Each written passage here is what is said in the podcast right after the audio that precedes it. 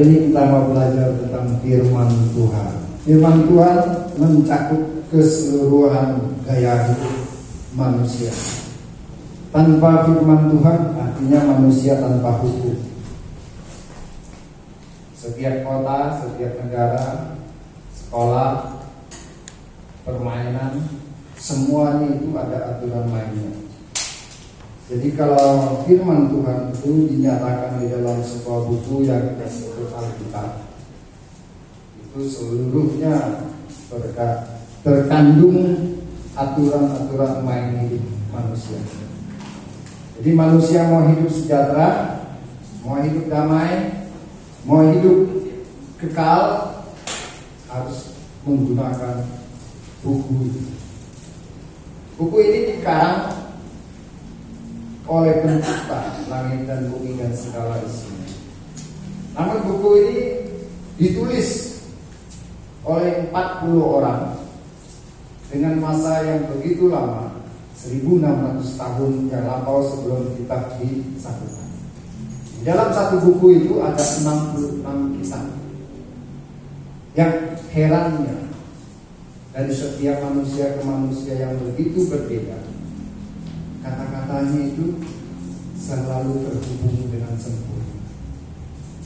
Mau angka, lambang dan segalanya cocok, tidak ada yang berubah. Maka buku ini adalah buku ajaib. Ya, siapa yang memilikinya berbahagialah ia memiliki keajaiban dalam hidupnya. Amin. Jangan buku itu disimpan sebagai sesuatu terhalang Nah, karena buku ini sering tersimpan sebagai sesuatu yang berhala, berhala pula lah orangnya sebagai orang Kristen. Karena menganggap buku itu dewa atau mujizat yang bisa kita sembah. Buku itu tidak disembah tapi dipelajari. Hasil yang kita pelajari itu yang mengubah kita menjadi anak-anak Allah.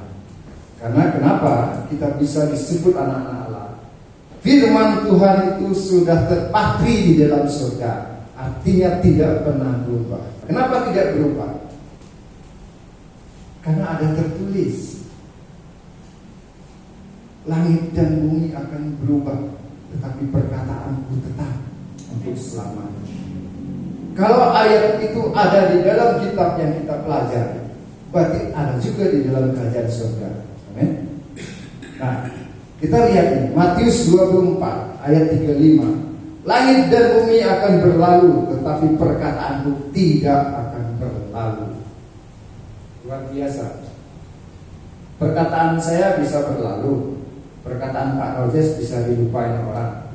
Tapi firman Tuhan dari zaman ke zaman berganti kerajaan, berganti negara, tetap diuji dengan berbagai ilmu tetap tidak pernah berubah.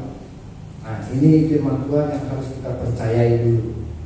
Bahwa Alkitab adalah firman Tuhan yang sempurna yang perlu kita percayai. Seluruh isi yang tertulis di dalam kitab itu adalah firman Tuhan. Amin. Kalau firman Tuhan itu kita akui adalah perkataan Tuhan itu sendiri yang menjadikan kita yang debu tanah ini menjadi manusia yang terlahir dari Allah itu sendiri, maka itu pun bisa menjadikan kita untuk hidup sempurna. Amin. Kenapa firman Tuhan ini menjadi satu pedoman hidup kita? Nah, firman Tuhan ini rupanya adalah nubuatan. Seluruhnya isinya nubuatan. 2 Petrus 1 ayat 21 itu ditulis di situ. Sebab tidak pernah nubuatan dihasilkan oleh kehendak manusia, tetapi oleh dorongan Roh Kudus orang-orang berbicara atas nama Allah. Ya kan? Kalau orang berbicara atas nama dirinya sendiri lalu menubuatkan sesuatu akan terjadi, itu kita boleh katakan ramalan cuaca. Bukan firman Tuhan. Ramalan cuaca nggak pernah dia berbicara tentang pencipta. Dia hanya berbicara tentang keadaan. Awan gelap di timur akan hujan di selatan dia meramalkan. Ini nyatanya hujan, tapi meleset, bukan firman Allah. Firman Tuhan ini pasti terlaksana dan sudah terbukti tergenapi. Bisa kita lihat ambil salah satu contoh dari firman Tuhan. Kalau kita lihat di Matius 2 saya ambil ayat 5 dan 6 ya. Mereka berkata kepadanya di Bethlehem di tanah Yudea karena demikian ada tertulis dalam kitab suci atau kitab nabi. Berarti jauh sebelum Yesus datang, nomor ini sudah ditulis. Kitab mana yang memiliki nomor yang demikian sempurna? Hanya Alkitab, yaitu firman Allah saja. Nah, kitab seperti ini yang perlu kita pahami di dalam setiap kehidupan kita.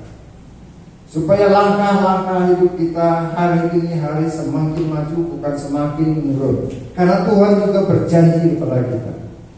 Barang siapa mendengar firman Tuhan dan melakukannya, maka ia akan diangkat sebagai kepala bukan menjadi ekor. Arti kepala itu kita maju bukan yang mundur. Jadi firman Tuhan yang kita pakai, yang kita pegang setiap hari itu benar-benar firman Tuhan benar-benar yang dikaryakan oleh Allah itu sendiri.